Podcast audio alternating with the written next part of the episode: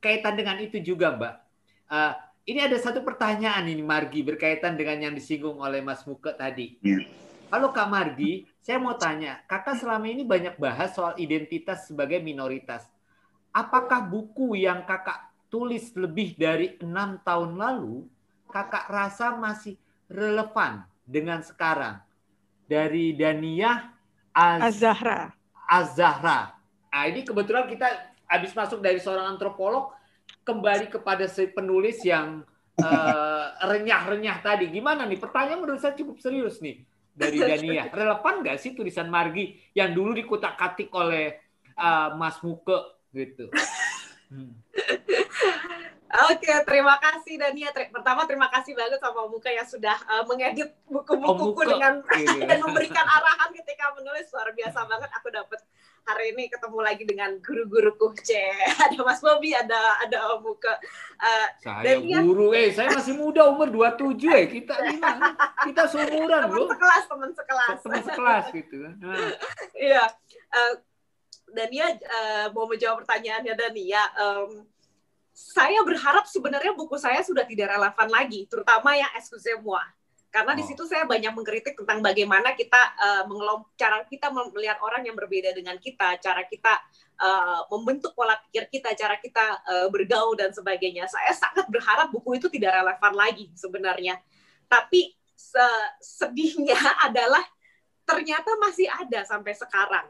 Ternyata bentuk-bentuk itu masih sangat relevan gitu. Ada satu tulisan yang saya buat uh, judulnya men, mendadak mendadak mayor gitu mendadak mayoritas gitu uh, tulisan yang juga di, uh, diterjemahkan.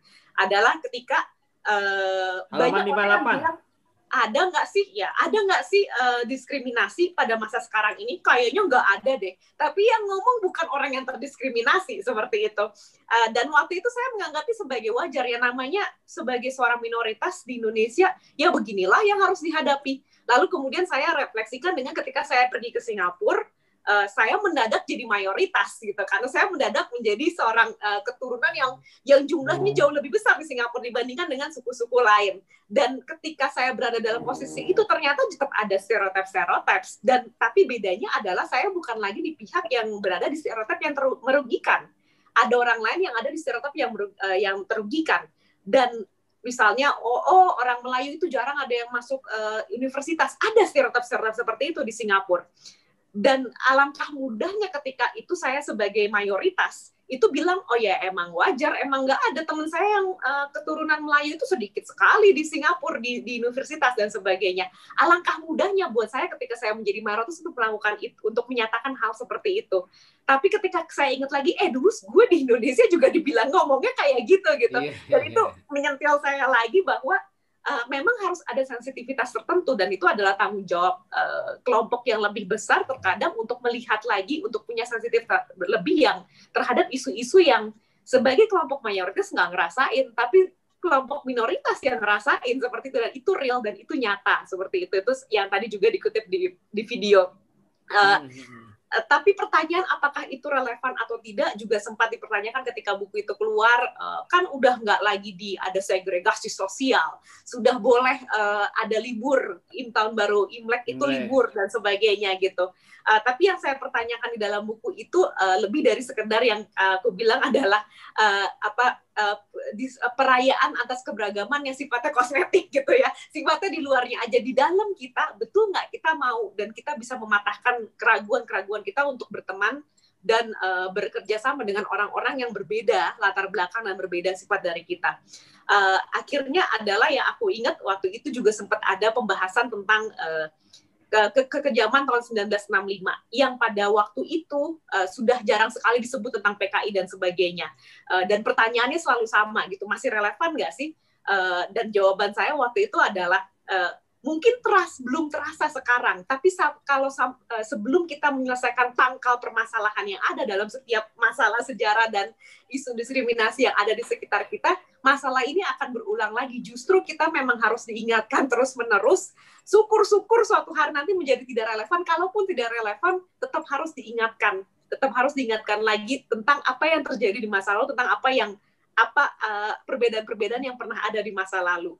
Uh, sehingga kejadian yang yang seperti itu tidak terjadi lagi. Uh, kita belum sampai ke tahap itu, belum sampai di tahap kita bisa bilang, wah kita semua adalah bangsa yang siap menerima keberagaman dan kenyata nyatanya adalah eh, bentuk-bentuk diskriminasi, bentuk-bentuk stereotip dan bentuk-bentuk uh, pemisahan atau peng, uh, pembentukan kelompok di masyarakat kita masih ada dan ada. sampai itu ya tentunya apakah ini relevan sayang sekali masih ya, tapi dan uh, dan ya dan kita masih harus terus membuat tulisan-tulisan yang modelnya seperti supaya nggak relevan tulisan tulisan-tulisannya Mas eh, Margi tadi ya.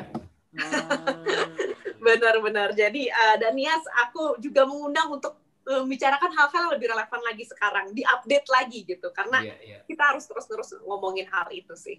Itu yang aku rasain. Baik. Mbak Amanda masih ada pertanyaan nih di saya atau Mbak Amanda dulu yang bacain? Masih banyak loh ya ini jadi. Aduh. Tapi ini udah udah jamnya udah mau habis nih. Tapi sebelum lupa nanti kalau mau mendapatkan buku-bukunya Margi penasaran dengan lu gue lu gue tadi bisa lihat di Gerai Kompas atau nanti kalau mau dapat yang pakai tanda tangan Margi itu kontak di mana Margi? Instagram aja ya? Boleh di Instagram boleh. Uh, Margarita T-nya tiga lah loh. Iya.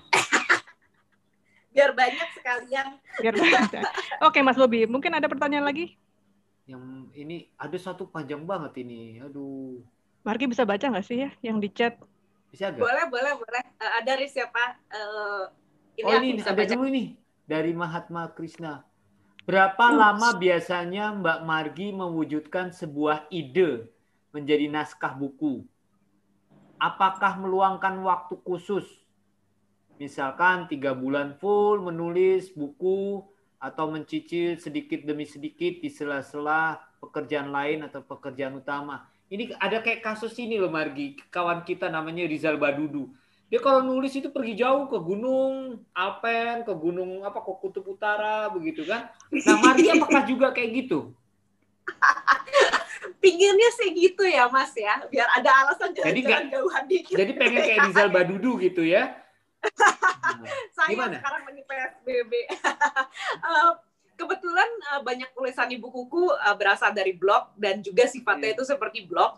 Uh, kalau kita nulis blog kan memang uh, seminggu sekali atau iya. seminggu yeah. dua atau seminggu dua kali seperti itu. Jadi ketika proses ketika proses penulisan bukunya biasanya yang pertama aku bikin strukturnya dulu uh, secara buku itu isinya apa aja sih gitu. Lalu Nah, setelah aku bikin struktur itu, aku lihat apakah sudah ada tulisan-tulisan yang sudah aku buat yang ada di dalam blog yang bisa jadi bagian dari situ. Nah, uh, setelah dicocokin uh, daftarnya seperti itu akan ada sisa beberapa tulisan yang memang uh, belum kutulis uh, baik di blog ataupun juga uh, diriku sendiri. Nah, itulah yang kemudian uh, kita uh, kita fokus aku aku fokuskan uh, mulai nulis di uh, di bagian-bagian yang memang belum aku lengkapi itu seperti itu. Jadi uh, kalau proses melengkapi tulisannya sendiri sih sebenarnya lumayan cepat ya karena sebagian besar biasanya sudah dicicil pada saat itu uh, menulis satu tulisan sebenarnya cukup cepat selama kita yang lama itu kan sebenarnya proses brainstorming sama structuringnya kalau buat aku ya. ya gitu jadi ngumpulin mau ngomongin apa aja lalu uh, kita susunnya seperti apa ketika nulisnya sendiri sebenarnya cukup cepat uh, prosesnya uh, mungkin kalau sebenarnya satu tulisan itu dua jam selesai lah seperti itu ya gitu. hanya tergantung niat dan cita-cita ya. Oh bukan hobi ya? jadi oh. seperti nah, itu gitu. itu tadi. Yang idenya apakah om meluangkan waktu khusus? Enggak ya? Ini Mahatma Krishna nih soalnya dia nitip pesan sama saya dia nih. Kalau nggak dibacain dimusuhin ya? Dimusuhin. Ini saya tahu nih orangnya nih. Ini dari Jakarta daerah Keramat Gitu. Oke. Okay. Ini dari Sebekus Marianto nih ada pertanyaan. Margi, ah, buat biasa nih. Eh, bukan pertanyaan, sanjungan. Dari Sebekus Marianto, kayaknya dari Jogja ini.